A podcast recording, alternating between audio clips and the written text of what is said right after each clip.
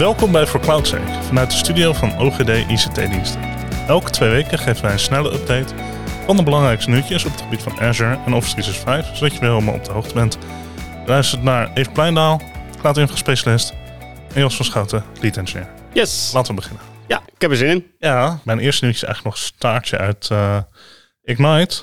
Want uh, we hebben natuurlijk vorige keer gehad over applied skills. Wat, Ja. wat zeg maar een nieuw iets is wat uh, in opkomst is en meer gericht op zeg maar praktisch zeg maar aantonen dat je kan wat je zegt dat je kan of denkt dat je kunt. En Ja, door, ja. echt in labs te zitten. Precies. Oké, dit is echt iets wat ik eh, eh, ehm, kan doen zoals het, eh, zoals het hoort. In plaats van ik weet de antwoorden op bepaalde vragen. Dat, Ja, precies. Maar er zijn nu een aantal applied skills ook aangekondigd van hey, de- deze zijn nieuw. En die gaan er aankomen. Dus die nu al gelijk weer beschikbaar zijn, eh, zijn voornamelijk eh, gebaseerd op AI. ja. Eh, dus hey, bouw een Azure AI Vision Solution. build a natural language processing solution with Azure AI Language. Voornamelijk gericht op AI. Ook een, een aantal rondom Power Apps en Azure SQL. Dat is wel heel interessant inderdaad. Want ze waren nogal gelimiteerd in eerste instantie de hoeveelheid die er waren. Maar blij om te zien dat ze inderdaad nu een, eh, een hele swik erbij hebben eh, Ja. gedaan. En er zijn voor Q1 zijn er ook alweer gelijk zes aangekondigd. Bijvoorbeeld deploy cloud native apps using Azure Container Apps. Eh, maar ook build apps voor teams. En, maar ook daar weer een, een hele zwik aan Azure AI, Dataverse, OpenAI, machine learning-achtige skills. Ja, gaaf. gaaf. Nee, het is wel, wel interessant inderdaad dat dat er steeds meer op gaat komen. Ja, dus eh, die linken we in de show notes. En dan kunnen mensen met eh, de, de eerste vijf vast aan de slag. Ja.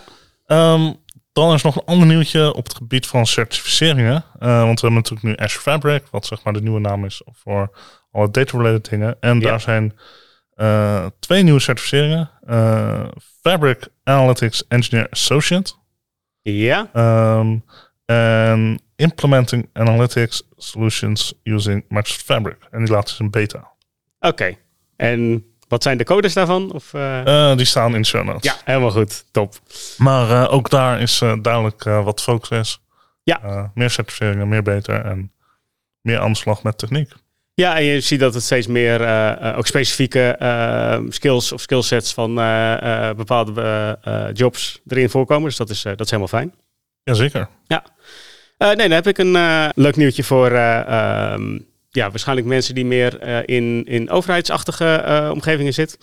Eh, want daarin zit je vaak dat er een eis is dat customer managed keys moeten worden gebruikt. Ehm, En ja, als je die eis hebt, dan kon je tot nu toe kon je nog geen backup faults gebruiken. Wel recovery service faults, maar geen backup faults. Eh, en er is nou een public preview van ja, customer managed keys in, in backup faults. Oh, dat is, dat is wel heel fijn. Ja, Voor de ja, luisteraar die het niet weet wat het is. Wat zijn eh, keys? Ehm, Microsoft doet op de achtergrond, eh, als je iets in Azure zet, heel veel ehm, eh, encryptie van alles wat jij daar hebt staan. Mhm. Ehm, maar daar moet je ja, Microsoft een soort van vertrouwen dat zij goed gaan omgaan met hun keys. Dat zal ongetwijfeld, maar er zijn enkele, enkele keren dat gewoon vanuit wetgeving het nodig is dat je je eigen keys hebt. En dan kan je dus ja, je customer managed, dus je eigen gemanagede keys gebruiken. Ja, dat als ik het platform beheer, dat ik nog steeds niet bij data kan. Exact, exact dat. Ja. Ja, ik kan me voorstellen dat daar inderdaad wat regelgeving voor bestaat die dat gewoon een kaart afdwingt. Ja, ja, en zeker bij eh, ehm, in Nederland weet ik het vanuit overheid en semi-overheid eh, organisaties dat het, eh, dat het verplicht is. Ja, dan is het zeker fijn dat je gewoon alsnog kan backuppen. Ja, ja, precies. Alright, mooi. Ehm, ja, dan heb ik een kort nieuwtje over Exchange. ja, Want daar gebeurt niet zoveel, normaal gesproken toch? Nee, dat zou duidelijk eh, eh, stabiel moeten zijn, toch? En daar gebeurt inderdaad ook niet zoveel. Want eh, de laatste versie die we hebben, die eh, bestaat voor Exchange Server, is nog steeds Exchange 2019. Oké, ja. Vorig jaar is aangekondigd, hey, de nieuwe versie komt, Exchange 2025. Eh, dat duurt dus nog even voordat die uitkomt. Ja. Ergens eind voor, volgend jaar komt hij in beta volgens mij. Maar het is nu wel al, ehm, eh, nou niet aangekondigd, maar nog een keer geroepen dat Exchange 2019 uit mainstream support gaat in januari volgend jaar. Oké, in begin 2024. Ja, en dat betekent dus dat je eh, vanaf dat moment alleen nog security patches krijgt. Ze zeggen ook heel expliciet in de blogpost van... hey, ehm, als je nog een eh, DCR, een design change request wil doen voor een bugfix of zo... kan dat tot begin januari. En daarna niet meer. Daarna doen we geen feature updates meer.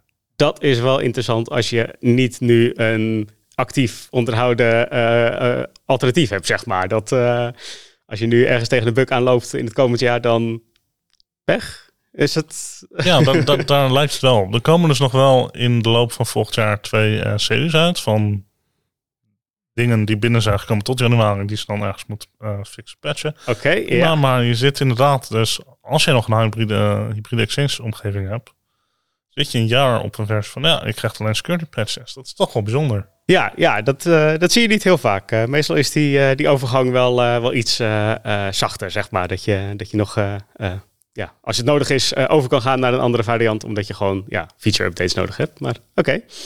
Goeie om te weten en goeie om in de, in de gaten te houden. En mocht je inderdaad nu een bug hebben, uh, geef het zo snel mogelijk aan bij Microsoft. Dan uh, kunnen ze er nog wat aan doen. Ja. Yes, dan heb ik een, uh, ja, ik vond hem voornamelijk een grappig update. meestal in Azure updates is het, ja, we kunnen zoveel meer of zoveel beter of zoveel extra ondersteunen en dergelijke. Um, nu gaat het voornamelijk over um, wat ze minder kunnen. Namelijk de Azure NetApp files. Um, daarvan moest je altijd een 4 terabyte minimum uh, uh, capacity pool afnemen. Uh, en dat kan nu minder zijn. Dus ze hebben nu 2 terabyte is al general available en 1 terabyte is public preview. Dus okay.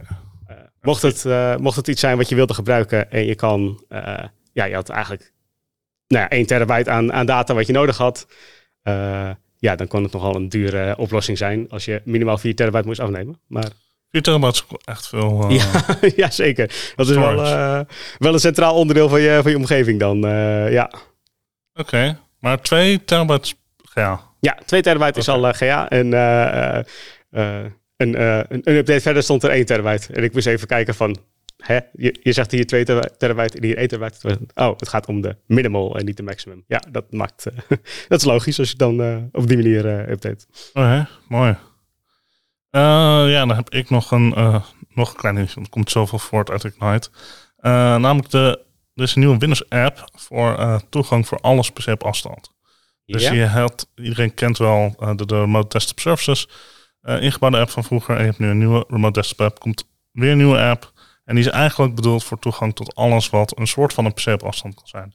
Okay. Dus uh, Azure Virtual Desktop, Windows 365, uh, Microsoft DevBox, voorheen Azure DevBox, gaat, uh, en de klassieke natuurlijk RDS-app, worden allemaal vervangen door de, de, de, de, nieuwe applicatie.